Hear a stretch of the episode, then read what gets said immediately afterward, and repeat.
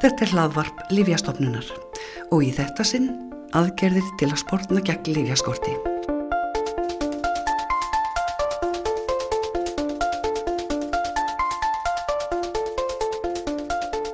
Lífjaskortur hefur verið töluvert í umræðinu undanfarið, meðal annars verið til umfjöllunar hjá velferðarnemnd alþingis og á þingföndum. En livjaskortur er ekki sér Íslands fyrirbæri, heldur alþjóðlegt vandamál sem allstaðar er áhyggjuefni. Rúna Haugstóttir Kvamberg er fórstjóri livjastofnunar. Er það livjastofnunar að koma eitthvað að þessum málum hérlendis? Já, okkur var falið þetta í nýjum livjalögum að þá var sett inn uh, ákvæð það sem var skert tölvöld á þessu og við eigum að hafa eftirlit með frambóði livja, þannig að livjaskortur hafið sem minnst áhrif á öryggi sjúklinga og við náttúrulega erum alltaf að horfa á öryggi sjúklinga svo þannig er þetta alveg skýrt í nýja lífalögum að við höfum aðkoma að þessu með þessum hætti. Og þetta er breyting frá fyrir lífjalögum? Já, þá var þetta örliti almennt orðað en þetta er mjög skýrt eh, tekið fram núna. En svo hafa markasleifis hafar livja og heilsölunar, livja heilsölunar, það er hafa líka ákveðna skildu samkvæmt lögunum. Já, uh, markasliðisöfum ber að tilkynna uh, ef þeir eru sjá fram á lífjaskort og þeir eru að tilkynna til okkar og sama á við um heilsölutnar og það er ákveð ákveð í því að þeir eru að halda nægan lager uh, í landinu. Og hvernig, hvernig skila það sér hjá lífjastofnun? Það skila sér nú svo sem ágætlega. Við náttúrulega vildum vita fyrr af mjög mörgu. Við vitum svo sem að aðfangakæðjan getur verið erfið en við erum ofta að fá þessa tilkynningar seint og stundum bara beint frá markanum svo að við, ég held að allir geti bætt síð þannig í að reyna að tilkynna þetta fyrr en við gerum okkur líka fyllilega grein fyrir því að oft getur verið mjög erfitt að sjá fyrir um þetta, sendinga geta tafist og eitthvað slíkt. Og síðan er byrt á, á vef lífjastofnunar, byrtar upplýsingar um tilkynntan lífjaskort. Já, við höfum uh, sett uh, töluvert í það, við höfum fjölga hérna starfsfólki til að fylgjast með lífjaskjortu og halda utanum þetta. Þetta er tilkynnt og þessar tilkynningar eru uppfærðar uh, á hverjum degi og við tilkynum þetta heima síðu okkar. En auðvitað vildum við hafa þetta með öllitið öðrum hætti, við vildum geta miðlað þessum upplýsingum rafrænt til laknana sem eh, ávísa lefjónum og það eru við að vinna núna í samstarfi ennbætti landlagnis og sjúkratryggingar. Og við vonustum til einhverju lausni í þessu eh, sem fyrst. Svo að þeir sem eru með sjúklingana annarkort fyrir framann sig eða eru að uppfæra livsæla að þeir geti séð hvort að það sé skortur eh, á lifinu. Þannig að læknarnir myndu sjá um leið og þeir eru að byrja að ávísa hvort að lifið er fáanlegt eða ekki? Já, það er þannig sem við vildum hafa þetta, nákvæmlega hvað við náum langt í fyrsta áfanga en þetta er eh, þessi framtíðamúsík og mjög, mjög mikilvæg. Síðan náttúrulega líka mikilvægt að vekja aðtikla á því að þó þessi búið tilkynna um lífjaskort og byrta lífjaskort, þá þýðir það ekki að það sé ekki, lifið sé ekki til í landinu. Það getur verið til í einhverjum apotekum og við erum með fjölmörg apotek hér á höfuborgarsvæðinu uh, og þau halda náttúrulega sinn lagar og við vitum ekki nákvæmlega hvað er í apotekunum svo þarna uh, lifin geta verið til í apotekunum í einhvern skamman tíma. Hvað með að halda að fá upplýsingar um byrðastöðuna hjá heilsölunum? Er, er það aðgengilegt fyrir lífjastofnun? Nei, það er ekki mjög aðgengilegt. Við getum óskaði eftir því og þeir veit okkur náttúrulega upplýsingar um það. Best væri náttúrulega að vera þetta að sjá rafrænt, þetta er ekki mjög stór markaður hvað er til að lifjum í landinu hverju sinni bæði á heilsölu og smásölu stíi en það er kannski eitthvað lengra í það heldur en, heldur en að koma rafrænum upplýsingum til lækna. Er það þannig víða erlendis að upplýsingar um byrðastöðu berast lífjastofnuninu?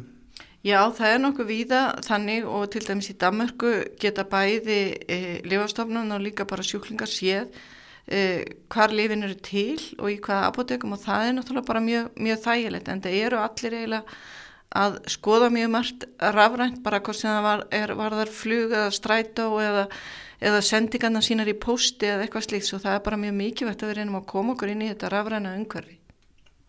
Eh, Lífjastofnun hefur verið að, að vinna á margvíslegan hátt af því að, að draga úr hættu á lífjaskorti fyrir utan þetta sem þú varst búin að nefna. Já, við höfum kannski líka verið að bregðast við því að það er tala mikið um að íslenski markaðurinn sé lítill og það sé dýrt að vera íslenska markaðunum svo við höfum tilkynnt núna og gefið afslætti á skráningagjöldum og uh, þetta er, er fyrst árið sem við gerum það og við sagt, breyttum veldu viðmiðum um niðurfellingu árgjalda uh, til þess að þau lif sem eru ekki með mikla veldu getur fengið uh, sagt, e, niðurfellingu árgjalda. Svo erum við búin að taka upp ímiskonar e, afslætti hvað var þar skráningagjöldin til þess að reyna að hvetja það að halda livjum hér á markaði en líka að fá hingað liv á markaðin svo við höfum unnið að því og svo hefur gjaldskráin hjá okkur Uh, hækkað mjög lítið, hún hækkaði bara um 2,5% sem er bara mjög lítið á síðast ári, svo það er búið að vera að horfa til þess að lækka þennan kostnað að halda lifjum á markaði og líka til þess að koma þeim á markað. Uh, Nú er livjaverð háð takmörkunum samkvæmt bara livja lögum og þetta hefur verið svona, það verið bent á þetta meðalans frá félagi atvinnureikanda að hérna þetta sé ákveði lámasverð sem að komi í vekk fyrir eða drægi úr kvata til að skrálifa markað? Já, við, svo sem það er aðnendið sem ákveður það og það er fyrir eitthvað skýr ákveði í reglugjörðu um uh, ákveðan á verði og, og greiðslu þáttöku Uh, sagt, en það uh, heilsöluverði er endur skoða og það er hægt að fá undan þáur ef það er einhver sérstök tilfelli fyrir því, það er endur skoðan á heilsöluverði á, á tveggjara fresti og við höfum líka verið að horfa á það að það er tölverstu undan þáur lifjum sem flutt hér inn, það er rýmri ákvæði varðandi uh, heilsöluverð og hugsanlega þarf að skoða það eitthvað til þess að það sé kannski ómikið kvati í því að vera með uh, undanþálu og markaði frekar en, frekar en skráðlið. Uh, er erfiðara að, að, að fá undanþálif? Er, er, þetta er ekki alveg sambarlegt og bara líf sem er á markaði? Nei, sko, það er, það er eiginlega best að vera með líf á markaði skráð því þá eru, þá ber að halda lagar á lífinu en með undanþálu vitum við ekkert raunverulega og lagarinn getur bara verið bara mjög lítill og frá bara degi til dags eða viku til viku svo það fæst meira öryggi e, fyrir sjúklinga að vera með skráðlif.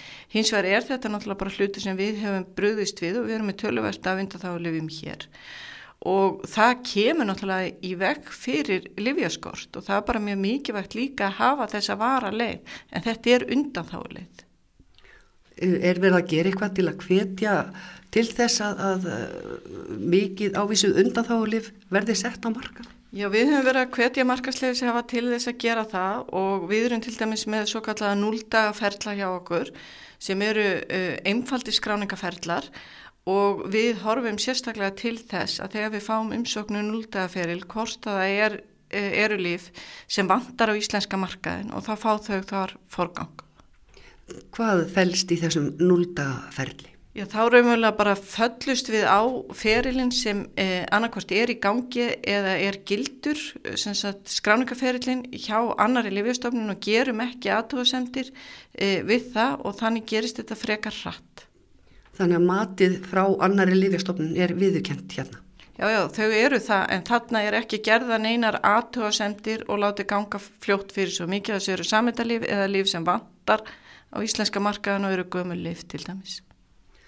Svo er í gangi tilraunaverkefnum rafræna fylgisæðla. Hvernig myndu rafræni fylgisæðlar uh, auka líkur eða dragu líkum á livjaskorti?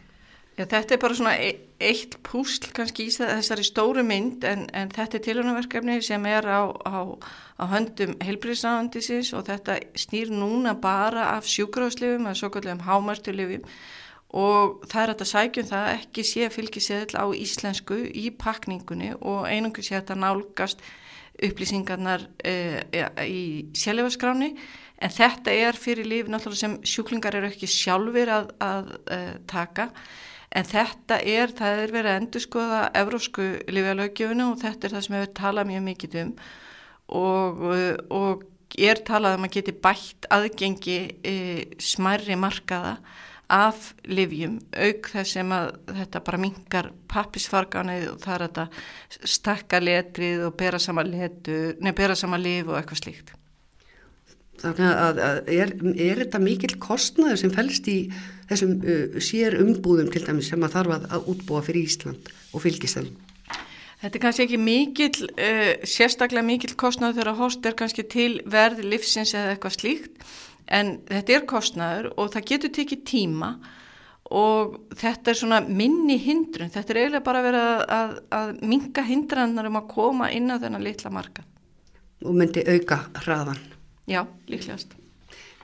Uh, Livja Skorts teimi, hvernig, hvernig vinnur það hérna? Það kemur upplýsingum uh, um tilkynntan skort, fyrir sjáanlega skort á framfæri, á vefnum, en uh, hvað meira? Ég sko, það er líka verið að breðast við því og það er það kannski meir, það sem er mikilvægast að það er kannski skorturinn sem ekki verður og er fyrir sjáanlegur og þá er reynd að breðast við því að, að hafa samband við heilsölunar eða markasleifis hafana um að flytja eða skrá önnu lif eða sambarilegt lif eða, eða annan styrkleika eða, eða eitthvað slíkt og þá er það að vera að koma í vekk fyrir lífaskort og það er kannski það sem er mest ósýnilegt af þeirri vinnu sem uh, fer fram hérna hjá okkur.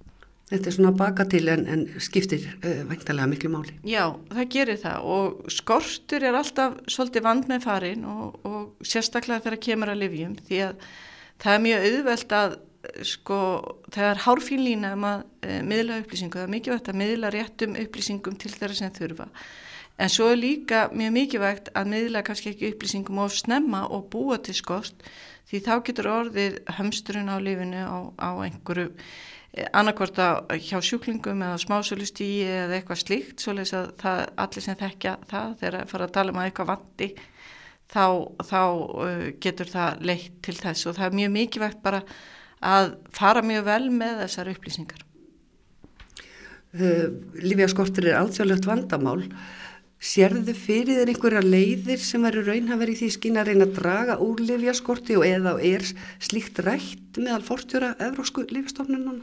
Já, þetta er náttúrulega mjög mikið rætt um þessa myndir og auðvitað kom þetta upp í, í COVID-inu og, og þá fóru menna að ræða þetta mjög mikið og við erum náttúrulega með flutningshamlanir í Evrópu uh, út af bara flýi til dæmis og það tekja það allir aðrir sem er að taka til vöru svo það einn vöru til Íslands en það hefur lengst svolítið á áfangakeðjunni og, og það er áhyggjaefni svo leiðis að það er verið að horfa til með, til lengri tíma og það er verið miðlegt núna að sapna upplýsingum um uh, stöðu í hverju landi fyrir sig til þess að geta bröðist við heildrænt og þá getur kannski Evrópa öll sem slík uh, bröðist við Við hins vegar búum við það að það getur verið ókostur að vera með lítinn markað en það getur líka verið kostur því við þurfum náttúrulega alltaf bara að minna magn til þess að redda okkur eins og maður tala nú bara góða íslensku svo leiðis að þetta er kannski það helsta og svo það maður líka að gera sér grein fyrir því að þegar, þó við höldum að við séum lítill markaður þá er talað um að Norðurlöndin séu líka lítill markaður og kannski sameðinu eru við kannski svona þokkalega stór markaður og það er líka verið að horfa til þess hvað Norðurlöndi geta gert saman. Uh, að bregðast við svona miðlagt uh, Evrópa saminuð er þá verið að hugsa þetta þannig að það væri hægt að, að deila livjabyrðum millir landa til land sem að skortir eitthvað en annað hefur eða eitthvað slíkt. Já það er verið að horfa til þessu líka hvernig er þetta auka framleyslu hvort það sé eitthvað sem hægt er að gera svo þetta er svona margþætt en þannig er verið að horfa á þetta. Og stöðugt í umræðinu. Þetta er stöðugt í umræðinu, já.